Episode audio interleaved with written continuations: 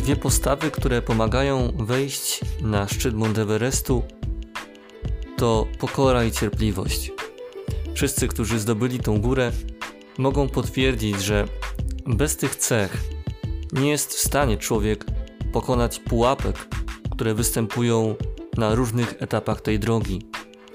Jedną z nich jest to, że człowiek chce zbyt szybko wejść na górę.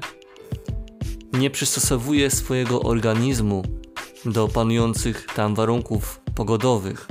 Innym niebezpieczeństwem jest to, że na wyższych partiach gór jest mniej tlenu. Człowiek czuje się taki ospały. Bardzo wiele wysiłku musi włożyć, aby zrobić jeden krok. Dochodzi do tego obojętność, brak nadziei, brak motywacji, by iść dalej.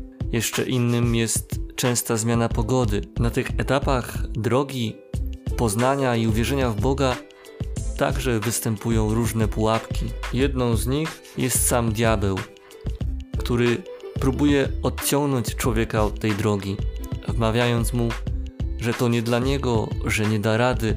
Jeszcze inną pułapką, niebezpieczeństwem jest pycha, która jest przeciwieństwem tych dwóch postaw. Człowiek uważa, że sam sobie najlepiej poradzi, że samemu wie jak wierzyć, nie potrzebuje do tego innych ludzi, innych rad. Trzecią też bardzo niebezpieczną rzeczą jest porzucenie modlitwy. Bez niej niemożliwe jest zdobycie wiary.